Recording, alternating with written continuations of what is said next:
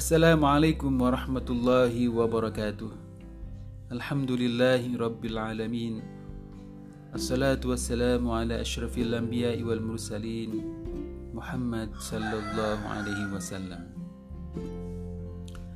Para pemirsa podcast Hikmah dan Inspirasi, pada kesempatan kali ini saya akan bacakan salah satu kisah yang ada di dalam kitab Fadailul Amal yang ditulis oleh Syekhul Hadith Maulana Muhammad Zakaria Al-Kandahlawi.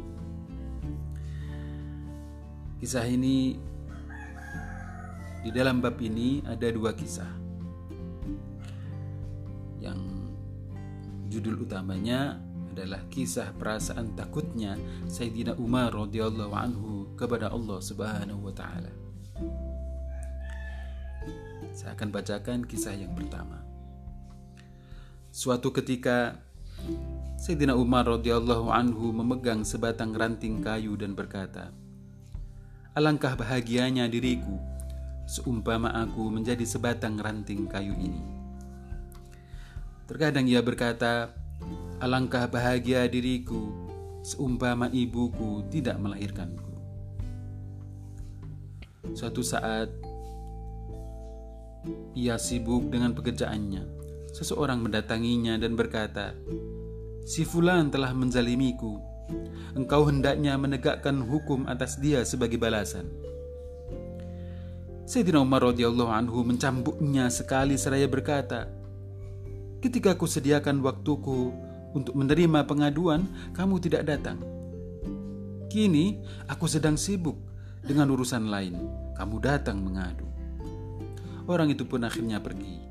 Lalu Sayyidina Umar radhiyallahu anhu menyuruh seseorang untuk memanggil kembali orang tersebut.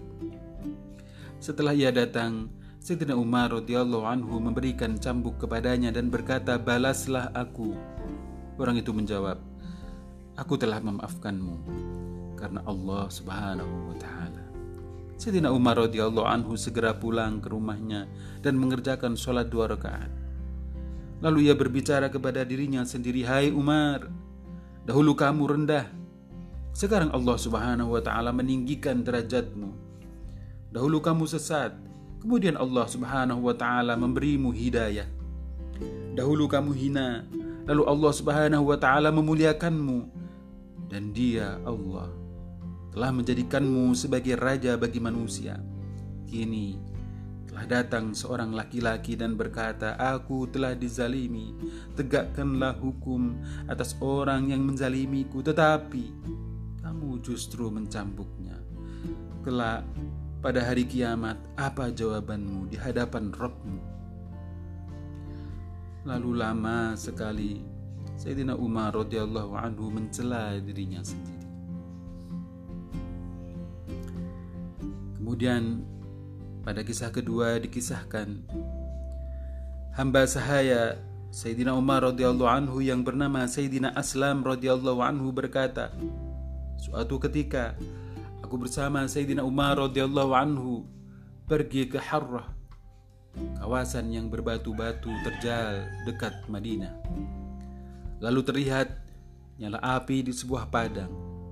Sayyidina Umar radhiyallahu anhu berkata itu mungkin kafilah yang karena kemalaman tidak bisa sampai ke kota hingga mereka terpaksa menunggu di luar kota. Marilah kita melihat keadaan mereka dan mengatur penjagaan untuk mereka malam ini. Setibanya di sana, tampak seorang wanita bersama beberapa anak kecil yang sedang menangis merengek-rengek. Wanita itu sedang merebus air dalam periuk di atas tungku yang menyala. Sayyidina Umar radhiyallahu anhu memberi salam kepada wanita tersebut dan meminta izin untuk mendekat. Ia bertanya, "Mengapa anak-anak ini menangis?" Wanita itu menjawab, "Mereka menangis karena menahan lapar."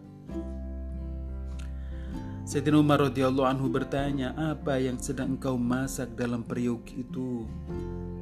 Wanita itu menjawab, "Periuk ini berisi air hanya untuk menghibur anak-anak agar mereka tenang dan tertidur."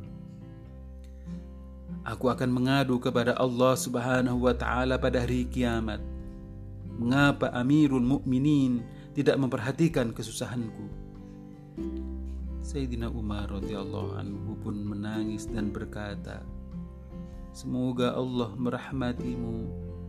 Tetapi bagaimana mungkin Umar mengetahui keadaanmu? Wanita itu menjawab, Dia pemimpin kami, maka seharusnya dia tahu keadaan kami. Sayyidina Aslam radhiyallahu anhu melanjutkan ceritanya lalu Sayyidina Umar mengajakku kembali ke Madinah. Ia mengambil sebuah karung kemudian mengisinya dengan sedikit gandum, kurma, mentega, dan beberapa helai pakaian. Juga beberapa dirham yang diambil dari Baitul Mal. Setelah karung penuh, ia berkata kepadaku, "Wahai Aslam, letakkan karung ini di pundakku." Aku menjawab, "Biarkan aku yang membawanya, ya Amirul Mukminin." Sahut Sayyidina Umar radhiyallahu anhu tidak.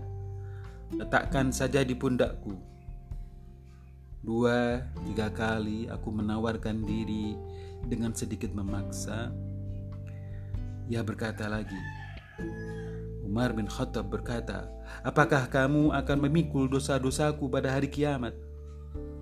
Aku sendiri yang akan memikulnya. Aku sendirilah yang akan ditanya pada hari kiamat. Aku pun terpaksa meletakkan karung itu di bahunya. Lalu dengan tergesa-gesa, ia membawa karung itu ke rumah tadi, dan aku ikut bersamanya dari belakang. Setibanya di sana, ia langsung Masukkan tepung dan sedikit mentega ditambah kurma ke dalam periuk, lalu mengaduknya dan ia sendiri yang menyalakan tungkunya. Sayyidina Aslam radhiyallahu anhu melanjutkan ceritanya, kulihat asap mengenai janggutnya yang lebat.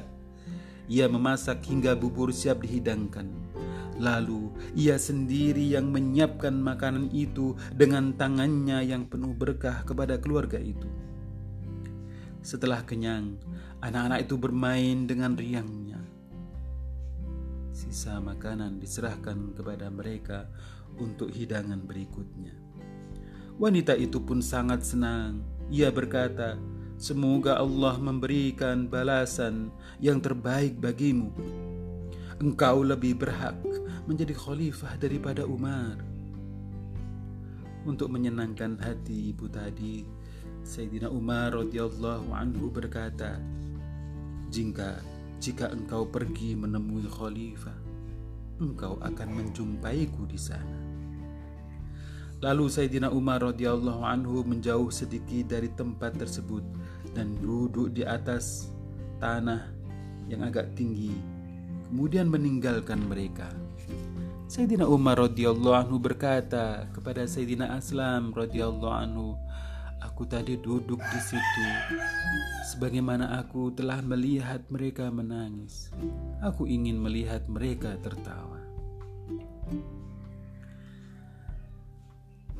Dalam sholat subuhnya, Umar Amirul Mukminin kebanyakan Beliau membaca surat-surat Al-Quran yang panjang. Di antaranya surat Al-Kahfi, Taha, dan surat lainnya sambil menangis terisak-isak. Sehingga suara tangisnya terdengar hingga beberapa sof. Suatu ketika Sidina Umar radhiyallahu anhu membaca surat Yusuf dalam salat subuhnya ketika sampai di ayat Qala innama ashku bathi wa huzni ila Allah yang artinya Yakub menjawab Sesungguhnya hanya kepada Allah aku mengadukan kesusahan dan kesedihanku. Sayyidina Umar radhiyallahu anhu menangis terisak-isak sampai habis suaranya Terkadang ia terus membaca Al-Quran sambil menangis di dalam tahajudnya hingga jatuh sakit. Faidah, inilah perasaan takut seseorang kepada Allah Subhanahu wa Ta'ala yang namanya sangat ditakuti oleh raja-raja besar.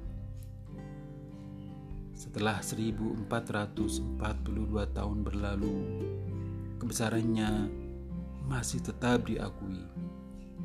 Adakah hari ini seorang raja, pemimpin, atau pejabat yang bisa bersikap seperti itu kepada rakyatnya? Demikian, eh, para pemirsa, sebuah kisah yang sangat luar biasa Terus terang ketika saya membacanya saya ikut terhanyut. Dan semoga ini menjadi bekal kita untuk hari ini dan juga hari-hari berikutnya. Selalu mengambil hikmah dan inspirasi dari orang-orang soleh, orang-orang yang memang sudah diakui sebagai pemimpin, sebagai tokoh yang yang menjadi panutan Sejarah telah mencatat betapa besarnya Umar radhiyallahu anhu. Terima kasih. Wassalamualaikum warahmatullahi wabarakatuh.